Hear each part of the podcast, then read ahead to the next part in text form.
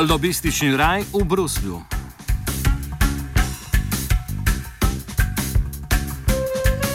V času, ko se zaključujejo zaslišanja kandidatov za mesta evropskih komisarjev, je slovenski medijski prostor okupirala saga o komisarski kandidaturi Alenke Bratušek. Ob vseh zletih gnojnici čez našo bruselsko deklico pa so v temi ostale kandidature mož in žena, ki naj bi zasedli najpomembnejša mesta izvršne oblasti v Evropski uniji. Hiter pregled imen in ozadij, ki se skrivajo za njimi, odstira zaveso nove sestave Evropske komisije, ki se je še vedno nesposobna spopasti z močjo velikega kapitala, ki ukrivlja sestavljanje evropske zakonodaje po lastnem interesu. O seznamu spornih kandidatur več sodelavka inštituta Corporate Europe Observatory Vicky Cann. Well, there have been um, a number of controversial commissioner candidates this time around. We've had um, Miguel Arias Cañete from um, Spain, who was particularly controversial as a nominee um, for climate change commissioner because um, of his background um, and recent shareholdings in the um, oil and petroleum industries in uh, in Spain. Um, some some links which um, his um, his wider family have now um, retained. That was a very controversial um, um, commissioner appointment. We were also very concerned about Jonathan Hill, the UK uh, representative, who has a background in in lobbying. He's been a, a lobbyist for many many years and has moved through the, the revolving door between UK politics and the lobby industry um, during his, his career on, I think, four different occasions. So we were very concerned about him. Uh, we were concerned about a number of other candidates um, as well. There was Vera Jourova from um, from the Czech Republic, who was um, the, the political deputy to um, a Czech billionaire um, a very powerful man in that in that country who is not only a businessman but also a politician. And um, she, this was problematic for us, particularly because she was nominated to the Consumer Affairs um, portfolio, a, a, role where um, the candidate must really defend the, the rights of um, uh, 500 million EU citizens. And um, there were concerns that she was t- too close um, to um, this uh, Czech multi-billionaire to be able to do that role properly. And then, of course, there was um, the candidate from um, from Slovenia, who has also proved to be an extremely controversial um, nominee here here in Brussels.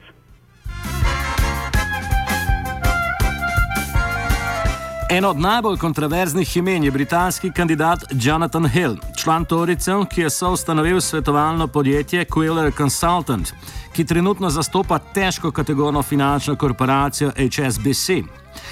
Hill je, absurdno dovolj, prevzel sektor za finančno stabilnost in storitve. Nadaljuje kam. Our particular concern with, with Jonathan Hill was that uh, this man is a he is a he is a, a lobbyist. He has a background of, of, of, lobbying. He seems to have no problem with going through the revolving door and, and, and politicians and lobbyists having um, a close and cosy relationship. And our our concern about him is that that is not the right attitude and not the right approach to bring to um, um, a role at the in the European Commission where uh, responsible for, for financial regulation because we know that in Brussels, um, the finance industry is very, very strong. It's very, very powerful. Uh, we did some research to show that there are 1,700 lobbyists at least um, in Brussels working on behalf of the financial industry. It is a, a role that is very, very um, open um, to to to um, to lobbying and, and the lobbying industry, and so to have an ex lobbyist in that role for us just seemed very absurd and, and, and quite dangerous because this is a, a role where, you know, as European citizens, we have all suffered from the financial crisis and the economic crisis, and we need a commissioner for financial services who will be tough with the finance lobby and tough with the banks. And we have our concerns that putting an ex lobbyist in, in, in, the role is, is, is not a, a, a good move.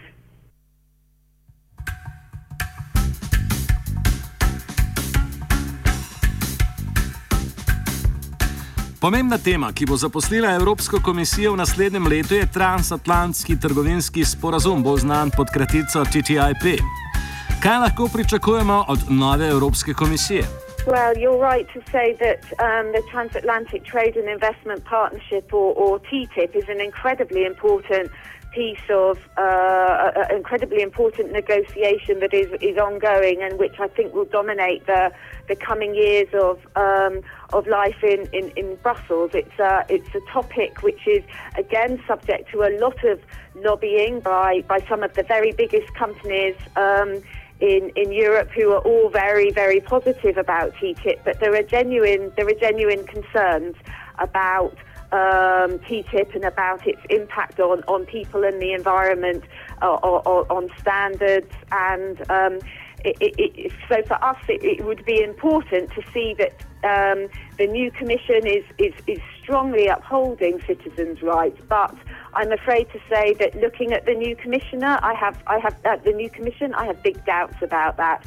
I think the new Commission, too many people in the new Commission are, have have a background in, in industry or, or are close to industry.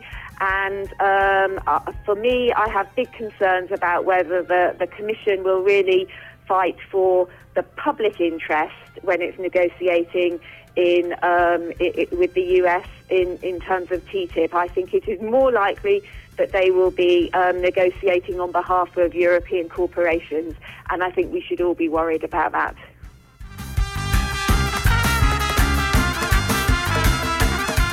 Močan lobističen vpliv v Evropski komisiji ni tuj. Omeniti je vredno delo tako zvanih strokovnih skupin, ki sodelujejo z Evropsko komisijo pri pisanju evropske zakonodaje. Preko takšnih skupin so največje finančne korporacije neposredno uveljavile kapitalski interes in spremenile zakonodajo, ki ni sposobna učinkovito regulirati gibanja finančnih tokov, če izberemo zgolj en sektor. Na kak način vpliva zasebni interes v institucijah Evrope, pove Vid Dorja, generalni sekretar Transparency International Slovenija. Pojav revolving doors oziroma tako imenovani pojav vrtljivih vrat, eden izmed najbolj pogostih načinov, s katerim lobisti vplivajo na politično agendo v, v Bruslju. Ta pojav se pojavlja praktično v dveh oblikah. Tako, ko lobisti zasedejo um, svoje položaje v v evropskih institucijah, ali pa obratno, ko neki evropski komisar gre na, uh, na novo delovno mesto um, multinacionalk ali pomembnih gospodarskih družb. Um, dejstvo je, da ta pojav izrazito poveča tega nasprotja, uh, nasprotja interesov, um, prav tako pa spodkopava demokratičen način odločanja ter pa predvsem javni, javni interes. Um, Evropska unija je nasplošno tarča velikega lobiranja, ki samo po sebi ni problematično, to je potrebno vedeti, um, vendar pa mora to biti transparentno in pa predvsem um, izvedeno na nekih etičnih in pa moralnih, moralnih standardih. Uh, zato je uh, predvsem na evropski ravni izjemno pomembno, da se, uh, da se izpostavijo, vzpostavijo uh, predpisi, um, in pa boljši nadzor in pa boljši predpisi, um, zato da se, da se ta negativni vpliv lobistov seveda tudi zmanjša.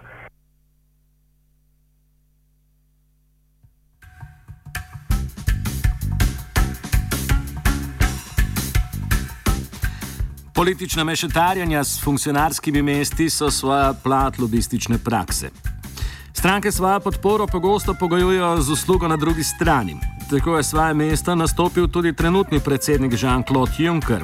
Po njegovih stopinjah pa je v komisarsko ekipo stopil eh, španski kandidat Miguel Arias Canete.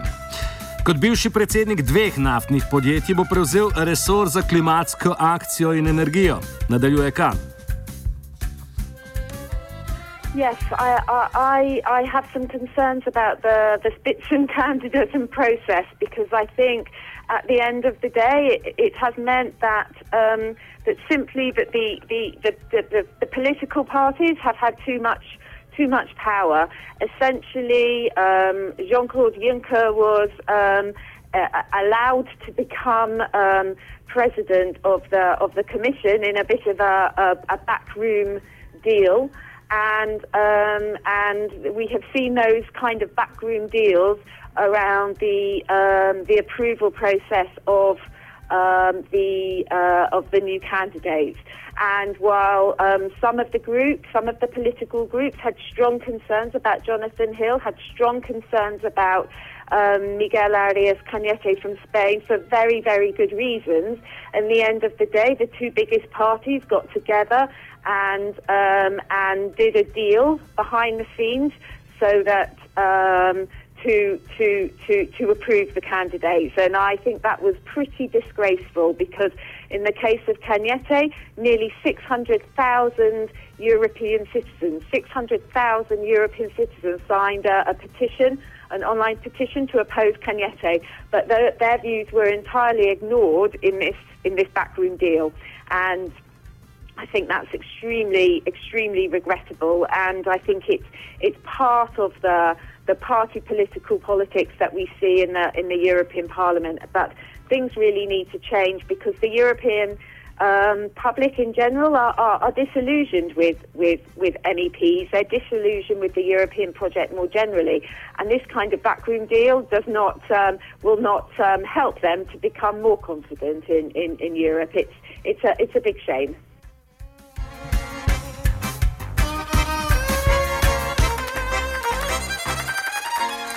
Vendar brez skrbi. Glava Juncker napoveduje ustanovitev registra uradnih lobistov.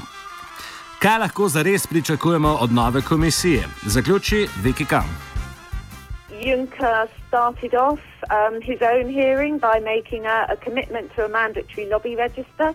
and um, that's something that we can we can we can welcome. We need more transparency about who is who is lobbying, and um, who is lobbying and, and what how much are they are they uh, are they spending on their lobbying activities and, and what are they lobbying on? We need far more transparency about that so a mandatory lobby register is a good thing.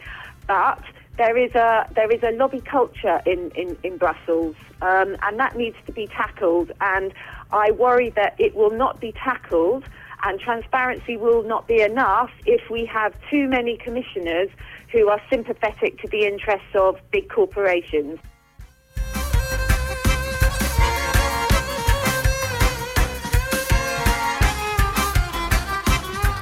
Lobistično ozadje Brusla je odsteral Jošt.